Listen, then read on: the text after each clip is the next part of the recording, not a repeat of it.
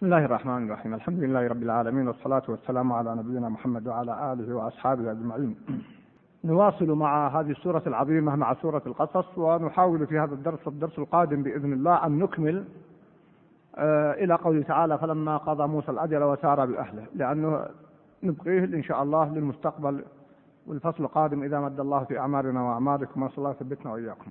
وأنبه الأخوة الذين لم يستمعوا التنبيه في الدرس الماضي أن هذا الدرس أو الدرس القادم عفوا في الأسبوع القادم بإذن الله هو الدرس الأخير. سيكون الدرس القادم هو آخر درس نظرا لقرب الامتحانات وحرص الطلاب والتزامهم بذلك. فالدرس القادم هو آخر درس وبعد العشاء سأجيب على الأسئلة قدر ما نستطيع. بالنسبة للتفسير سأحاول اليوم أقف مع مقطع مهم من هذه الآيات وأكمل بإذن الله في الدرس القادم حسب ما تيسر عندنا قوله تعالى ولما ورد ماء مدين وجد عليه أمة من الناس يسقون ووجد من دونهم امرأتين تذودان قال ما خطبكما؟ قال تعالى نصي حتى يصدر الرعاء وأبونا شيخ كبير. الآيات هذه الآيات ولا شك هذا كتاب الله جل وعلا عظيمة جدا وفيها معاني يصعب استقصاؤها في مثل هذه الدقائق بل فيها أحكام شرعية كثيرة. بل بعضها كما سأشير إن شاء الله يخالف ما عليه عادة كثير من الناس. منها مثلا عرض البنت على الرجل. هذا بعض الناس يتأسف من ذلك. ومنها أحكام تتعلق بالصداق وبخروج المرأة إلى غيرها. الموضوع ينقسم إلى قسمين.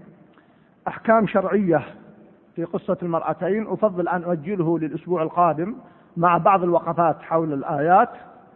ولكن اليوم نقف مع مظاهر العفة وأن الأصل هو القرار في البيوت في قصة المرأتين. عنوان درس اليوم ما خطبكما؟ قالتا لا نسقي حتى يصدر الرعاء وأبونا شيخ كبير.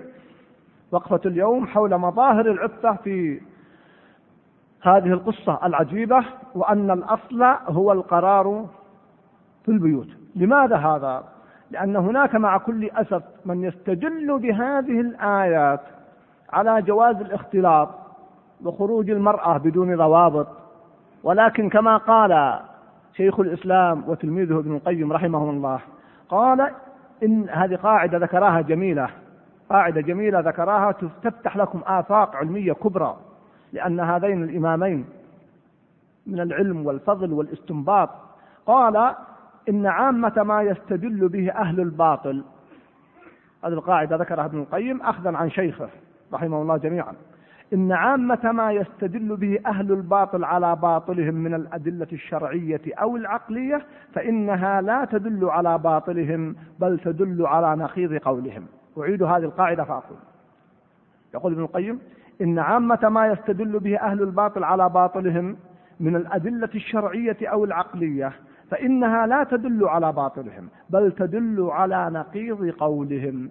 وما أحوجنا لهذه القاعدة خاصة في هذه الأيام. لما ينشر من باطل وافتراءات ويضعون لها أدلة. اليوم أقرأ مقال في إحدى الصحف عجيب جدا لامرأة. ما تركت أحد من أهل الخير إلا جعلته هو خلف هذه التفجيرات التي تقع في بلادنا.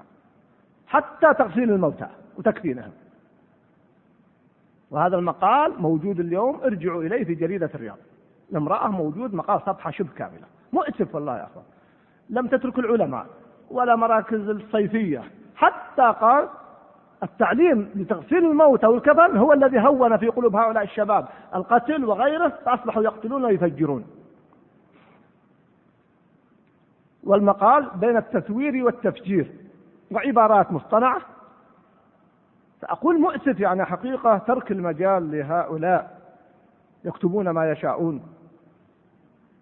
وأمر خطير. وتهم تلقى جزافا. تلقى, تلقى قبل أيام في جريدة الرياض تعرفون قام عدد من علمائنا أمثال الشيخ عبد الرحمن البراك ومعه مجموعة من العلماء وقام مجموعة من كبار المشايخ وطلاب التحفيظ. لزيارة المرضى والمصابين في تفجير المرور لأن هذه قضية مؤلمة وبيان أنهم ضد هذه الأعمال. يخرج أحد الصحفيين ويكتب يقول هؤلاء جاءوا ليعتذروا عن أعمالهم السابقة أو تتبرؤون فهي الجناية هذا دليل جنائي. لماذا لا يحول أمثال هؤلاء المحكمة اتهم العلماء اتهم المشايخ. نشر مقال بعد ذلك يحاول أن يصحح مقالة. لما جاءته ردود واتصالات وعلم أن المسألة قد تأخذ حجم أكبر. ولكن مع كل أسف. يعني زيارة الشيخ ومن معه وكبار المشايخ والتحفيظ يعني كلام حقيقة يطلق التهم جزافا. بينما تجد آخرين لو يقول كلمة يحاسب عليها أو يقبض عليه أو يحال لمحكمة أو غير ذلك. المسألة فأقول إن ما يستدلون به من تهم باطلة هي ضدهم. ما عرف عن أهل الخير إلا أنهم هم ضد مثل هذه الأعمال. من قديم الزمن وليس بحديث. وهذه دعاوى يطلقها أمثال هؤلاء بدون دليل وبدون بينة. وإلا المفروض أن يقال لهم البينة وإلا حد في ظهرك. وإطلاق التهم على أهل الخير والعلماء وجماعة تحفيظ القرآن. وأصبحت متهمة. كما قلت لكم في الأسبوع الماضي تفتح الصحف أو اللي قبله. ملف قضية جماعة تحفيظ القرآن وهل لها علاقة بالأحداث أو لا؟ لماذا ما فتحت ملفات الربا وملفات المصائب التي نعاني منها؟ وتركتها كلها وفتحت علينا ملفات جماعة تحفيظ أصبحت متهمة جماعة تحفيظ القرآن. وأول من يستشار أشخاص عرفوا بتاريخهم السيء وبمواقفهم الباطلة. فنحن في هذا الظرف يجب أن نرسخ المنهج الحق وأن نبين أن مواقف العلماء وهذه البلاد قامت على العلم الشرعي. منذ تحالف الإمامان الإمام محمد بن مسعود والإمام محمد أحمد رحمه الله وحفظها الله بهذا الخير العظيم ثم تصبح تهم الآن. مرة تهم لمناهجنا ومرة تهم لجماعة تحفيظ القرآن ومرة تهم لدعوة الشيخ محمد عبد الوهاب وهكذا ما تنتهي التهم. فأقول إن القاعدة التي ذكرها إن عامة ما يستدل به أهل الباطل على باطلهم من الأدلة الشرعية أو العقلية فإنها لا تدل على باطلهم بل تدل على نقيض قولهم. فنقول إن اتهام العلماء أو اتهام جماعة تحفيظ القرآن أو اتهام المناهج أو دعوة الشيخ محمد الوهاب بالعكس باطل. بل هذه هي الضمانة التي حفظ الله بها البلاد والعباد. وما حدث ما حدث إلا لخروج عن هذه المناهج. الذين خرجوا عن دعوة الشيخ محمد الوهاب أو خرجوا عن المناهج أو خرجوا عن القرآن أو غيره هو الذي حدث بسببها حدث ما حدث. هذه مدخل أحببت أن أشير إليه. أولئك الذين يقولون هذه آية القصص تدل على الاختلاط وتدل على خروج المرأة وتدل وتدل. سترون الآن مظاهر العفة في قصة المرأتين وأن الأصل هو القرار في البيوت. أول ما يلفت نظرنا أن الأصل هو القرار في البيوت أن موسى عليه السلام لما رأى المرأتين قال ما خطبكما؟ فاستنكر وجود المرأتين واقفتين. فليس من الطبيعي أن توجد امرأتان كلمة ما خطبكما تحمل الاستنكار لأن الأصل عدم خروج المرأتين. فأجابته وبينت له العلة والسبب كما سيأتي. اثنين وقوفهما بعيدا عن الرجال ووجد من دونهم امرأتين. ما قال وجد جنبهم ولا وجد معهم إنما وجد من دونهم. قبل أن يصل إلى الرجال لما رأى أمة من الناس وجد قبل ذلك امرأتين معناه في فاصل بين المرأتين وبين الرجال.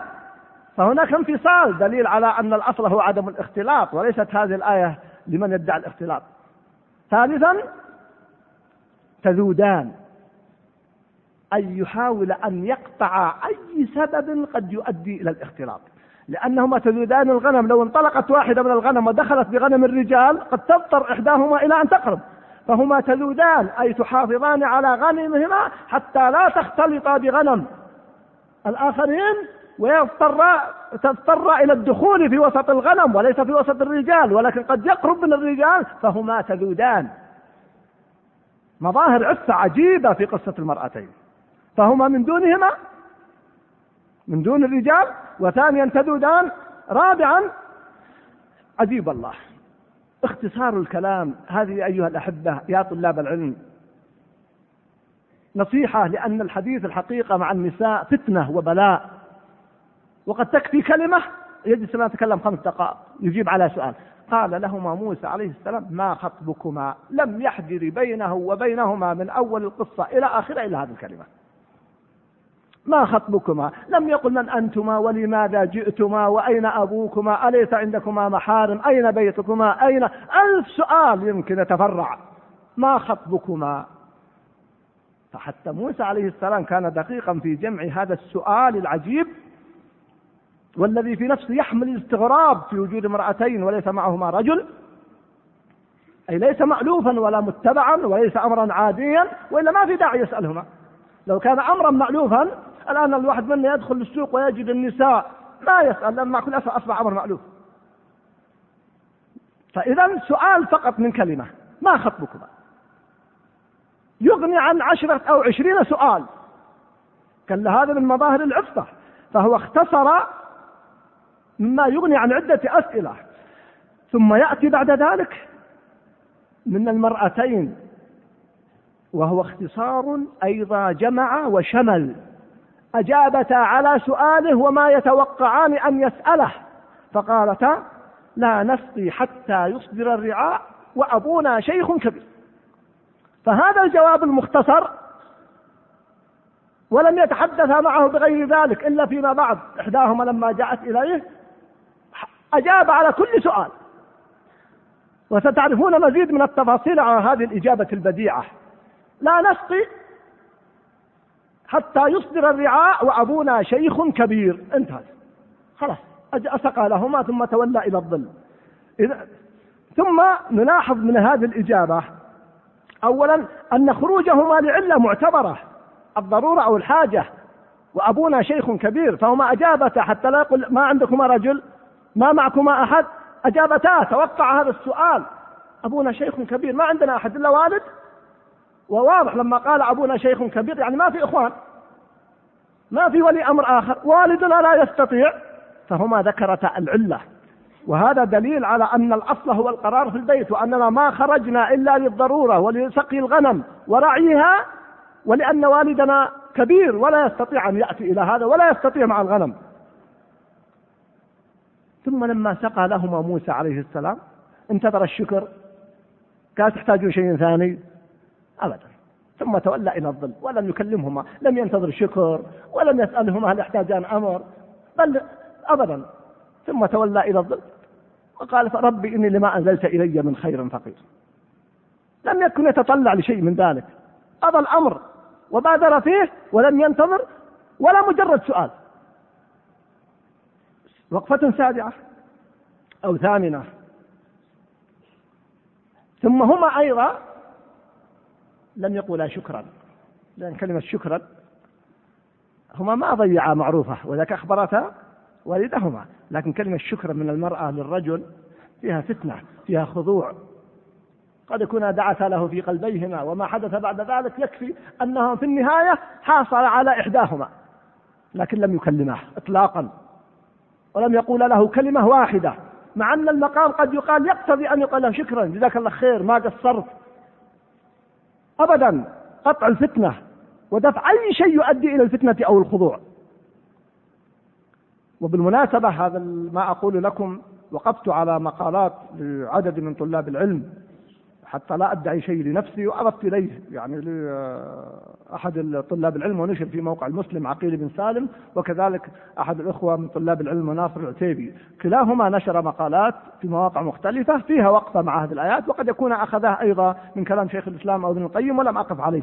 ولكن باب الحق وحتى لا أحب أن أحمد بما لم أفعل. فجل ما سأذكر لكم استفدت مما كتب من هذين الأخوين حول هذه الآيات. وأضفت إليه ما تيسر وهو يسير. لاحظوا تأخرتا في سقي الغنم وابتعدتا عن الرجال وتزودان الغنم مع أن التأخر فيه مشقة عليهما وفيه تأخر على والدهما.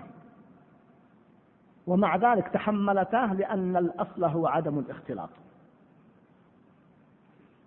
ثم يأتي العجيب أنها قال لا نسقي حتى يصدر الرعاء. مسألة محسومة. أولا لا نسقي ما قال سنسقي بعد قليل. يعني هذا منهج مضطرد لنا. لا نسقي. هذه عادتنا وهذه طريقتنا. طيب إذا هو منهج وليس قضية طارئة. ثانيا ما قال حتى يخف الرعاء. حتى يصدر يعني ما يبقى ولا راعي. قطع أي طريق قد يؤدي إلى الاختلاط بالرجال. ويصدر الرعاء معناه لا يبقى ولا راعي. فهما حسمتا المسألة. فدخولنا على النفي على الفعل المضارع. ما قالت سنسقي بعد قليل. لا نسقي هذا منهج لنا وأمر متبع ومضطرد. وأيضا ليس أنه بس حتى يخف الرعاة لا حتى يصدر ما يبقى أحد. ما يبقى ولا واحد. كل هذا يدل على مظاهر العفة من هاتين الفتاتين في البعد. ثم نجد أيضا منه سبحان الله قالتا طبعا معروف أن المتكلم واحدة. قالتا لا نسقي المتكلمة واحدة لكن حتى ما في داعي تتكلم الأخرى لأن هذه تتكلم عن أختها. بينما يعني تجد العجب في في في الأخوات هداهن الله. بدل ما يتكلم واحد عند الرجال ويستمع البقية يتكلم الجميع ويمكن تسمع واحدة من النساء. هذه مشكلة. فهؤلاء لا واحدة تتكلم واحدة ما تسكت واحدة تقوم بالواجب. ولذا قول واحدة نسبه الله قول للثنتين. ولا ما لا تصوروا أن الثنتين كان نتكلم في دفعة واحدة قال تعالى نسقي كل واحدة تقول هذا الكلام. واحدة المتكلمة. لكن هو يعبر عنها وعن أختها يعني يكفي دلالة إذا تكلمت واحدة أن تسكت الثانية. قامت بالواجب حتى لا يسمع صوت واحدة الأخرى. نجد لما رجعت المرأة بعد أن ذهب موسى عليه السلام وتولى في الظل وقال رب إني لما أنزلت إلي من خير فقير انظروا شكى إلى الله جل وعلا إنما أشكو بثي وحزني إلى الله. ولذلك من الأدعية التي استفدتها من أحد المشايخ جزاه الله خيرا وقال هو إنه استفادها من الإمام أحمد اللهم اقطع تعلق قلبي بأحد سواك. اللهم اقطع تعلق قلبي بأحد من خلقك. أكثر من هذا الدعاء بيقين. سيفتح الله عليك من الخير بما لا ويرزقك من حيث لا تحتسب.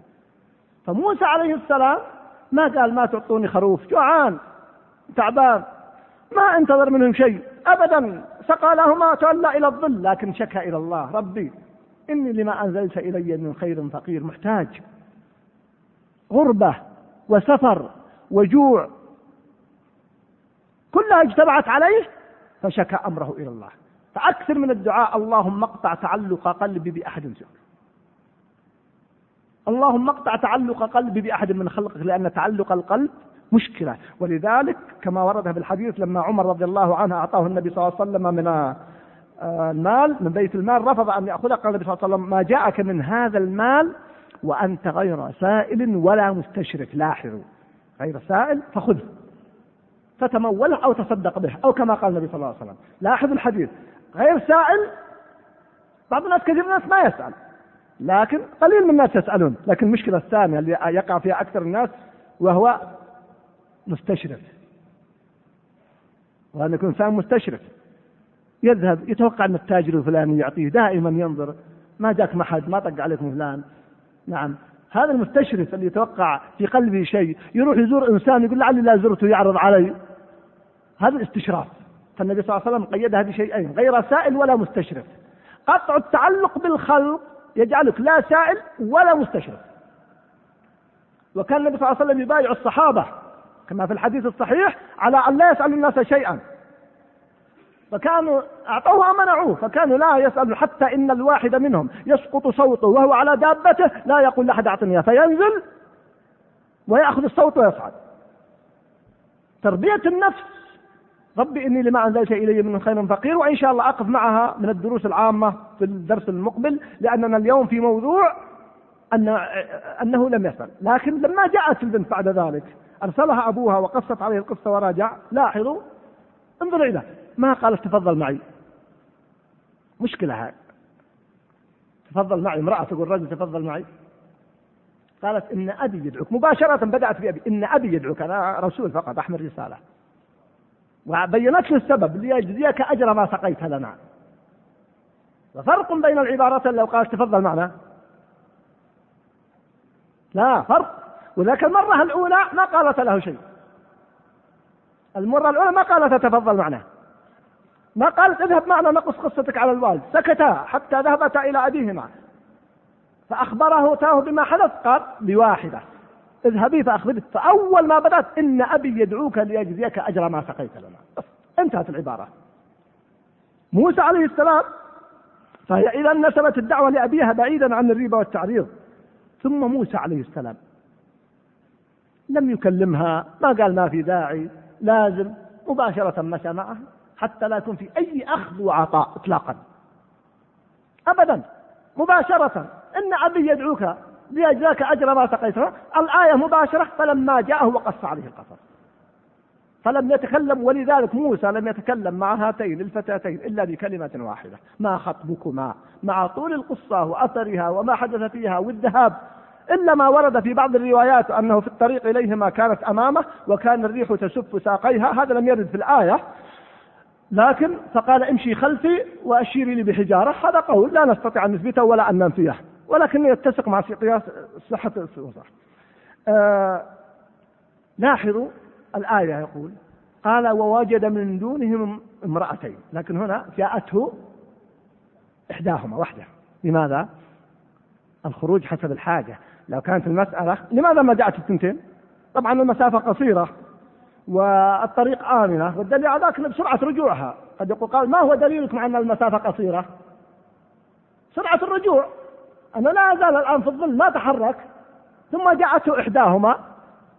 الدليل على أن مسافة البيت قريب ما هو بعيد ولذلك ما يعتبر مسافة قصر ولا يعتبر في فتنة في خروجهما. على أطراف القرية قد تكون. هذا كله دليل على أن المسافة قصيرة وليس فيه فتنة ولذلك جاءت واحدة. خلاص. المرة الأولى لابد من ثنتين حتى تحوط على الغنم. الغنم ما يكفي واحد. لكن الآن بالنسبة لذاك ما قال اذهبا سويا. بعض الأخوات هداها الله. إذا أرادت تذهب للسوق جمعت نساء الجيران ذهبت وياهن اليوم يذهب مع فلان وبكرة مع الثاني للسوق الرابعة ويلا هكذا. خراجة ولاجة. ويا ليتها اكتفت بشرها بنفسها. تأخذ معها بعض القريبات تأخذ بعض الجارات. بينما هاتين ما أرسل والدهما الثنتين قال اذهبا وادعياه قال واحدة تخرج واحدة فقط.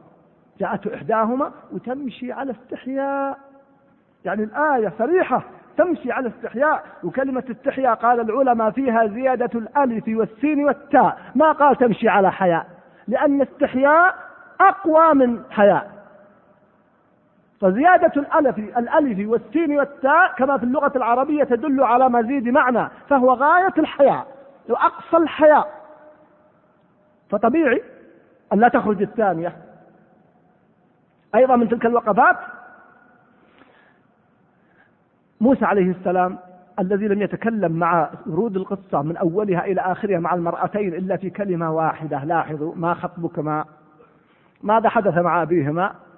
فلما جاءه وقص عليه القصص ما اكتفى بقصة واحدة كل القصص أعطاها لأبيهما مع النساء كلمة واحدة فقط ولا شيء. لا شكرا ولا لماذا ولا نعم ولا هات. أما مع الأب ما أكتفى بقصة واحدة. قص عليه القصص من أولها إلى آخرها. أخذ راحته في الكلام. مما يدل على أن اختصاره الأول لغرض وهو عدم التوسع مع الحديث مع النساء إلا مقدار الضرورة والحاجة. أما مع الرجال خذ راحتك. وكلمة قصة بحد ذاتها تعني كلام طويل فما بالك إذا كانت قصص. وموسى عليه السلام عنده قصص كثيرة مع فرعون ومع قصته ولذلك قال له لا تخف. معناه أنه استوعب جميع القصص والأحداث التي حدثت لموسى. فهنا عليه السلام مع المرأتين كلمة واحدة فقط لم يتكلم بهما إلا كما قلت لكم ما ورد في بعض كتب التفسير. أما مع الرجل فقص عليه القصص. بينما البعض ربما يختصر مع الرجال ويتوسع مع النساء. بالفتوى؟ نعم تبغى. يمكن بكلمات هكذا. لكن كلمت المرأة طول معها ووسع صدره ويا أختي و... لا ما ينبغي الحقيقة. يجب يقتدي بموسى عليه السلام. يقتصر بكلمة حسب الحاجة. يفتي وينتبه ولا تخضعن بالقول فيطمع الذي في قلبه مرض. ويجب يكون مع الرجال. والله تأتيني شكاوى من عدد الإخوان. يقولون أن بعض طلاب العلم ينزل السماعة وهو لم يكمل السؤال أو لم يكمل الجواب. نعم. ومن خارج المملكة جاءتني. مكتوبة ومر ويسمون أسماء بعض طلاب العلم. سبحان الله يا أخي الكريم. بينما قل أن تجد هذه الشكوى من النساء. بعد ما تقول رفقا بالقوارير. ما وجدت رفقا بالقوارير إلا في الكلام. فلذلك الرجل البائع أو صاحب السيارة أو من يضطر لكلام النساء أو المسؤول كالمسؤول عن النساء يجب يقتصر في كلامه على قدر الحاجة كما اقتصر موسى عليه السلام. أما مع الرجال فالأمر واسع ولا حرج فيه. والله أعلم. آه معذرة أطلت عليكم لكن سأختصر إن شاء الله. لاحظوا أسلوب المرأتين إحدى المرأتين مع أبيهما يا أبت استأجره نعم. لم تحدد نوع الأجرة ولم تذكر اسمه أو وصفه. يا أبت استأجره. أيضا ما في ترى دليل الآية على أنها قالت هذا الكلام. بعض الناس وهو يقرأ سياق الآيات يتصور أن إحدى المرأتين خرجت عليه وهو جالس معه موسى وقالت يا أبت استأجره. لا ما في دليل. قد تكون قالت بل سياق القصة وما عرف من عفتتهما أنهما قالتا في داخل البيت. يعني ووالدهما يذهب إليهما يمكن واحدة منهما قالت يا أبي هذا الرجال اللي عندك استأجره فلا حرج أن تكلم والدها لأن السياق الأول ما يطلع الإنسان يتصور أن امرأة واحدة وقفت على أبيها وموسى عنده وقالت يا أبت استأجر إن خير من استأجرت القوي الأمين. بالعكس ما في نص يمنع ولا يثبت لكن سياق الآيات وروحها تدل على خلاف ذلك والله أعلم. أيضا لماذا اقترحتا؟ يا أبت استأجره قد يتبادر إلى أذهاننا يبغى نرتاح من الغنم. لا لا. حقيقة أن الأصل هو القرار في البيت وعدم الخروج. ففي السابق مضطرات. أبونا شيخ كبير. أما يا ولدنا ما دام جاء من يمكن أن يقوم بالمهمة استأجره حتى ما نخرج. لا نلتقي مع الرجال ولا نرى الرجال ولا يروننا ولا نشاهدهم. مع ما يحدث بعد ذلك من تخفيف وفي تخفيف أيضا عنهما وتفرغ للبيت. فالاقتراح جاء متسقا مع الحرص على عدم الاختلاط مع الرجال وليس كما قد يبدو للبعض أنه من أجل أن تخفف عن نفسها الخروج والمعاناة من ناحية التعب، لا، هذا قد يكون تبعا لا أصلا. ثم لاحظوا دقة الملاحظة من النساء، ومعروف أن النساء بالجملة يتميزن بدقة الملاحظة. يا أبت استأجره إن خير من استأجرت القوي الأمين. هم ما رأتاه إلا لحظات. فقط عند السقي والثاني عندما دعته ومع ذلك عرفت أنه قوي وأمين. وصدقت موسى عليه السلام كليم الله جل وعلا أصبح بعد ذلك. ما كان كذلك قبل. فهي دقة ملاحظة واستشعار من بعد. وهذا الداعية يجب يكون نبيه يأخذ من الجزئيات دليل على الكليات. فهي أخذت من الجزئيات على قصر المدة. بنت عليها قاعدة كلية قوي أمين. كلمة قوي أمين ما تأتي إلا بعد فترة لمعرفة هل قوي أمين. ولكن دقة الملاحظة ربطتها بقرائن معينة بطريقة موسى عليه السلام بمبادرته بعدم تكليمهما بعدم طلب منهما كلها لو عددنا لا عددنا عشر أو عشرين مسألة جمعتها فتوصلت إلى قاعدة كلية أنه قوي أمين وصدقت فهو كلم الله ولو لم يكن كذلك ما أصبح من أولي العزم من الرسل. عليه وعلى نبينا أفضل الصلاة والسلام، ما أحوج المربين إلى دقة الملاحظة مع أبنائهم، مع تلاميذهم، وهم يعاشرونهم أحيانا سنوات، وهذه استطاعت أن تصل إلى هذه القاعدة الكلية الدقيقة في وصف موسى من خلال تجربة يسيرة جدا. فهي رسالة للأمهات، للآباء، للرجال والنساء كما قلت عندهن قدرة على الملاحظة إذا استخدمت في إطارها الصحيح.